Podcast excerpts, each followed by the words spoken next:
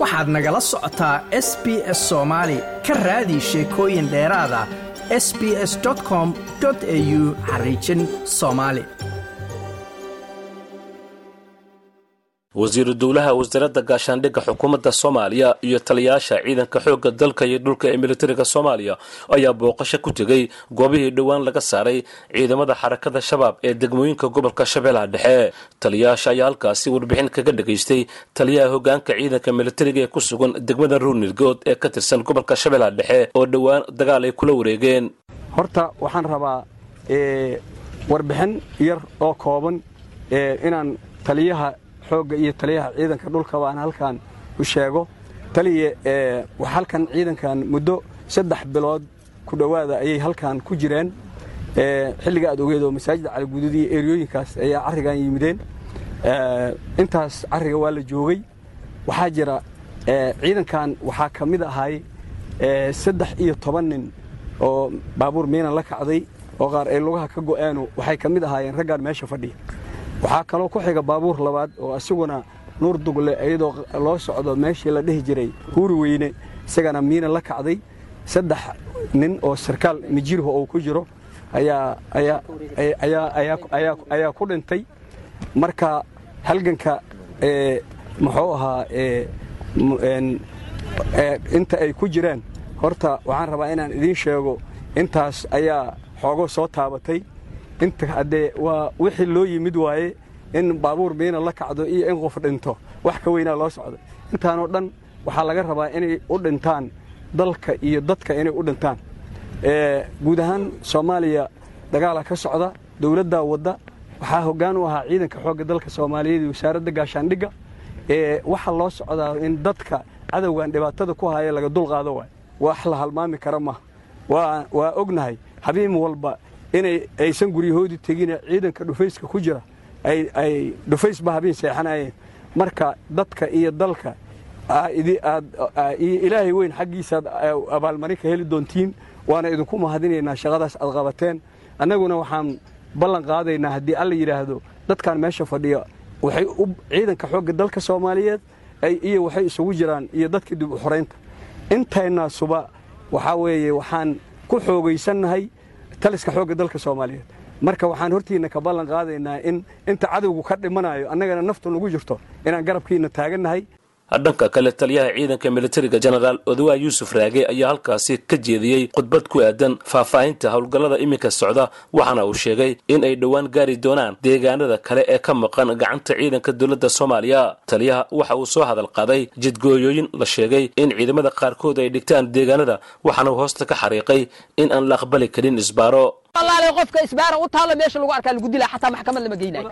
Meesha lagu arkaa lagu dilaa isbaareed ma la qaadan karo ma dhici karto arrintaas ha laga foojignaado saaxiibadayda qaaliga waxaan rabnaa qaluubta dadka inaan ilaalino. Waxaan u mahad celinaynaa dhammaan in allaala iyo inta ka qayb qaadatay halgankii lagu soo jiray ee nimankaa qawaariijta oo argagixisada deegaanadii aan soo marnay iyo deegaanada maanta aan ku sugannahaba looga xureeyey haddana hadafkooda iyo go'aankoodu yahay deegaanada dhiman inay haddana sidaasoo kale ay ka xureeyaan dhibaatooyinka ka taagan. Argagixisada waxa ay yihiin isu sheegi mayn. Waa ka dheragsanna soo ma? Dhinaca diineed waxay dadka u geesteenaan ogna waxaasoo dhan isu sheegi mayn. Deegaanadii aan soo marnay haddii hooyada soomaaliyeed aabbaha iyo gabadha soomaaliyeed iyo wiilka soomaaliya ay maanta faraxsan yihiin waxaa noo dhiman deegaano madaxa aanay weli kor u qaadin oo weli ay ilmaynayaan hooyooyinka soomaaliyeed iyo aabbayaasha wiilasha iyo gabdhaha ku sugan weli ay ilmaynayaan oo ay ku jiraan gacantii arxanka darreed oo aad ogeedeen ma uga hal karnaa ma uga hal karnaa way cadceedinayaan dhinacaanay soo eegooyaan cidda ay ka sugayaanna waa allah subxaana wa tacaalaa iyo intiina inta fadhisa iyo inta idin la midka ah ciidanka qaranka idin garab taagan horey gadaal idinka xiga. Waxaan rabaa marka saaxiibadayda qaaliga ah hadafkeenna qofna inuusan eeg waa la daala waa la dhimanaa yes dagaalka intaan ku jirna dad aad noogu qiimo badana wey doona ho dhimo doona dhaawacmina doona sababtoo ah halganaan ku jirnaa soo maahan waa shuhaado waa shuhaado culummadaa ka fadwootay ahludiinkaa noo sheegay kuwa ay dilaan inay ahlu jinno yihiin kuwa dilan inay ahlu jinno yihiin. Marka welwelga weyn kama qabno cidda dhimanaysa oo shahiidaysa ilaahay xaggiisaanba naxariis uga rajaynaynaba taka raale taliyaha ciidanka dhulka saddex bilood oo oberethinku intuu socdo ka mid ahayd wuxuu fadhiyey gobolka hiiraan. Bishi kalena wuxuu fadhiyey gobolka shabeellaha dhexe. Oo marna cadalo fadhiye marna aadaya bal fadhiye meesha aan maanta taagannahay iyo taka raale cadowga meeshaan xabadda uga soo bilowno shan boqoloo kilomitir ay isu jiraan. Shan boqoloo kilomitira la soo nadiifinaya ciyaar miya? Dheedheel ma taha dadku wada fiiri maayaan. Intee laga keenay? Intay ka soo socotay lama leh. In mise cadowhaa xaaladda ka baxday? In ka badan saddex kun oo cadowhaa xaaladda ka baxday. Oo wax dhintay iyo wax dhaawacmay iyo wax firxad ahoo duurka ku jira isugu jira. Taliyaha ciidanka xoogga dalka odowa yuusuf raage ayaa ugu dambayntii sheegay tallaabada ay ka qaadi doonaan ciidamada al-shabaab ee lagu soo qabto dagaalka ama isku soo dhiiba ciidanka dowladda soomaaliya.